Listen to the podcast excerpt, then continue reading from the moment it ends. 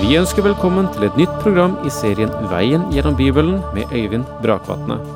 Denne studieserien er produsert av P7 Kristen Riksradio og bygger på serien Through the Bible av Vernon McGee. I dag fortsetter vi med Peters første brev.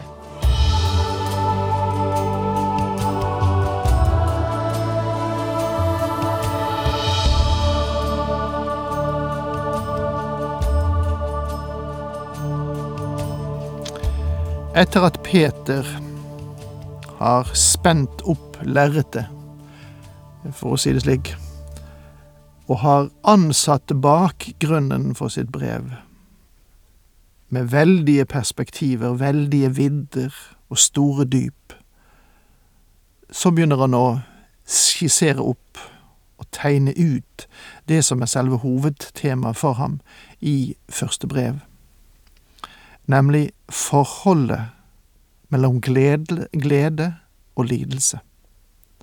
Forholdet også mellom glede, modenhet og lidelse. Dette er et tema som også vi får applisert, tillempet i forhold til Kristus, senere i brevet. Og hele tiden er det dette temaet som, som behandles igjen og igjen, fra forskjellige synsvinkler. Eh, der han sier lidelsen, prøvelsen, har noe veldig viktig å si oss og lære oss under tiden. Og derfor eh, skal dere ikke se på den som om noe som noe fremmedhendte, som et, et, et fremmedelement. Noe fortvilende som vi liksom bare skal eh, dra oss igjennom og fortest mulig bli ferdig med. Nei, her møter vi en viktig side av utviklingen i det åndelige livet i et kristen menneske. Vi eh, holdt oss i vers syv da vi sluttet sist, og jeg tror vi leser teksten i det syvende verset en gang til, altså første Peters brev, kapittel én, vers syv. Slik blir troen deres prøvet. Selv forgjengelig gull blir prøvet i ild. Troen som er mye mer verdt, må også prøves, så den kan bli til pris og herlighet og ære for dere når Jesus Kristus åpenbarer seg. Denne type undervisning som Paulus, nei, som Peter gir oss her, den hører vi sannelig ikke så mye av i dag. Og jeg må vel innse at jeg, jeg selv ikke har vært så flink til å fremholde eh, denne siden av den totale sannhet som jeg kanskje burde. For i stedet for det Peter eh, konsentrerer seg om her og løfter frem for oss, så anmodes vi om å bli tilstrekkelige og fullstendige i oss selv. Liksom skal ta frem alle våre ressurser, hoste opp det som finnes i oss. Mine venner, ingen av oss er tilstrekkelige eller akseptable, og det vil vi heller aldri bli. Vi kommer bare ganske enkelt til Gud, for dette settes inn i en kristen sammenheng nå. Vi kommer bare ganske enkelt til Gud som syndere, og Han frelser oss ved sin nåde, ved Kristi blod, og deretter ønsker Han å leve sitt liv gjennom oss. Han prøver å lære oss dette gjennom sine prøvelser dra oss nærmere seg. For jeg understreker igjen det jeg vel ofte påpeker, at det er ingen snarveier til modenhet. Alt dette fiksfakseriet og eh, metodemakeriet fører oss bare inn på en blindvei. Det eneste som vil føre oss til sann modenhet, er den prøve på vår tro som Gud sender oss. Når Jesus Kristus åpenbarer seg, er det perspektivet eh, Peter legger inn i dette brevet. Jeg tror at når Jesus Kristus åpenbarer seg, så vil vi takke Gud for de prøvene vi hadde. Faktisk ønsket vi kanskje da at vi hadde hatt mer av dem, når vi står for Hans åsyn og ser verdien av de prøvelser Han ga oss. Bare tenk på de prøver apostlene gikk gjennom. Da Simon Peter skrev sin epistel, altså det brevet vi nå holder på med, så visste han at martyriet lå foran ham. Han sier at prøvelsene, motgangene, kommer til å skille ut det rene gull når vi står for Kristi åsyn. Og det, det skal vi se fram til. Nå vil Simon Peter si oss noe dyrebart i denne forbindelse. Hør hva det står. Ham elsker dere, enda dere ikke har sett ham. Ham tror dere på, enda dere nå ikke ser ham. Og dere jubler og er fylt av en glede så herlig at den ikke kan rommes i ord. Dette verset burde bety mye for oss. Husk at Peter hadde sett den Herre Jesus personlig, og hadde vandret sammen med ham i tre år. Han hadde bommet stygt flere ganger under den tiden. Men så en morgen ved stranden av Galileasjøen forberedte Herren frokost for de menn som hadde fisket hele natten. Og jeg kan bare tenke meg at han ventet på Peter. Og jeg ville ha trodd at han skulle ha sagt, Peter, deg kan jeg ikke stole på. Hvorfor fornektet du meg? Jeg må sette deg på sidelinjen, i alle fall en tid. Jeg kan ikke bruke deg. Men ser du, det sa han ikke. I stedet sa han Simon, Jonas' sønn, elsker du meg? Det var hovedspørsmålet. Elsker du meg? Denne mannen som hadde vært en skrytepave, hadde lagt til side alt skrytet. Til sist ropte han bare ut, Herre, du vet alt, du vet at jeg har deg kjær. Og den Herre Jesus sa, du skal gi sauene mine mat. Og det var Peter som holdt den første preken på pinsedag, og nå sier Peter til deg om, og til meg, Ham elsker dere, enda dere ikke har sett ham.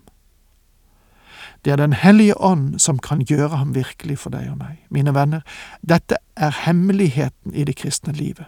Når vi elsker ham, da faller alt annet på plass. Om du ikke elsker ham, så kommer intet kurs eller studium i verden til å hjelpe deg. Og han vil heller ikke gi deg den tillitserklæring å gi hans sauer mat. Ham tror dere på, enda dere nå ikke ser ham. Dere jubler og er fylt av en glede så herlig at han ikke kan rommes i ord. Får ikke dette hjertet ditt til å banke litt fortere? Elsker du ham virkelig, eller har du en død religion som virker meningsløs? Men venn Kristus er herlig. Simon Peter elsket ham, Paulus elsket ham, og alle dem som i ærlighet har tjent ham, har elsket ham. Og jeg håper at du deler denne kjærligheten. Denne kjærligheten som ikke oppkommer i mitt hjerte, men en kjærlighet som er formidlet ved at Den hellige ånd åpenbarer, avslører, gjør kjent hvem Jesus er. Og om du deler denne kjærligheten, så vil det løse en mengde problemer. Jeg drister meg til å si at jeg vil hjelpe deg i ditt ekteskap. Det er vidunderlig hvordan kjærlighet til Kristus også drar våre hjerter sammen. Og han vil ikke bare hjelpe deg i ditt hjem, han vil også hjelpe deg i menighetens liv og virksomhet. Hjelpe deg i samfunnet, i omgangen med andre mennesker. Det å elske Kristus drar de troende sammen. Og det vil hjelpe deg i alle dine forhold, om du har kjærlighet til ham. Dere jubler og er fylt av en glede så herlig at den ikke kan rommes i ord. Det å elske Kristus gir hjertet stor glede. Og vi kan jo stille oss selv spørsmålet er jeg en glad kristen? Og det har du grunn til å være. Du er kongebarn, du har en arv som venter deg en dag. Det er vidunderlig å være barn, og ikke bare være slave. Den kristne tro er ingen tro du skal trelle under. Det er barnekårets rett som strømmer gjennom denne tro, og det gir tillit, og der tilliten fins, er det glede. For dere når troens mål, frelse for sjelene. Frelse var et tema for profetiene i Det gamle testamentet. Både profetene og apostlene bar vitnesbyrd fram om sannheten i det. Og hvilken oppmuntring dette var for de troende i diasporaen, i utlendigheten, de som led for sin tro. Troen har et mål. Vi går fremover mot noe. Denne frelse var det profetene grunnet på og utforsket da de profeterte om den nåde dere skulle få. Alle profetene profeterte om dette. De prøvde å finne ut hvilken tid Kristi ånd som var i dem, siktet til, og hvordan den tiden ville bli. Ånden vitnet om hvordan Kristus skulle lide og deretter opphøyes i herlighet. Det er viktig å merke seg her at profetene talte om den lidende Kristus og Guds nåde. Og Dette møter vi i Isaiah 53, og vi møter det i Salme 22, og også i mange andre skrifter. Deretter opphøyes i herlighet, står det i den nye oversettelsen. Den gamle oversettelsen gir oss et noe lengre perspektiv gjennom uttrykket om herligheten deretter. Det uttrykket begrenser ikke herligheten til at han blir opphøyet, men taler mer om den herlighet som springer fram fra hans opphøyelse. Og den finner vi eksempler på for eksempel i Jesaja 11 og i Salme 45. Alle profetene talte om Kristi lidelse og om den makt og herlighet som kommer når Kristus kommer som konge til jorden for å opprette sitt rike. De prøvde å finne ut hvilken tid Kristi ånd som var i dem, siktet til. Dette forteller oss i klartekst at profeten i Det gamle testamentet skrev ved Kristi ånd.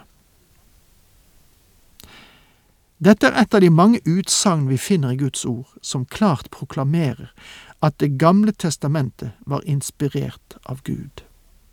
Disse menn skrev ved Kristi ånd. De skrev noe som de selv ikke helt kunne gripe, og det sier jo også Peter. De lette etter meningen for å finne ut hvilken tid Kristi ånd som var i dem siktet til, men når den ånd på forhånd vitnet om Kristi lidelser og den herlighet som skulle følge etter det. Det er mange steder i Det gamle testamentet som taler om Kristi lidelse, og det er mange andre steder som taler om Kristi makt og om rikets tid. Nåde og herlighet kombineres, og det var det vanskelig for dem å forstå. For eksempel skrev Jesaja eh, det i eh, det 53. kapitlet om den lidende Kristus. Men i det ellevte kapitlet skrev han om Messias som skulle komme i makt og herlighet til jorden for å opprette sitt rike. Og denne tilsynelatende motsigelse virker nok forvirrende på profetene, og de prøvde å finne ut hvordan begge disse forhold kunne være sanne. Og når profetene så ned langs tidens korridorer, så så de disse to hendelsene som to mektige fjelltinner. Og med det må vi si takk for nå. Herren med deg.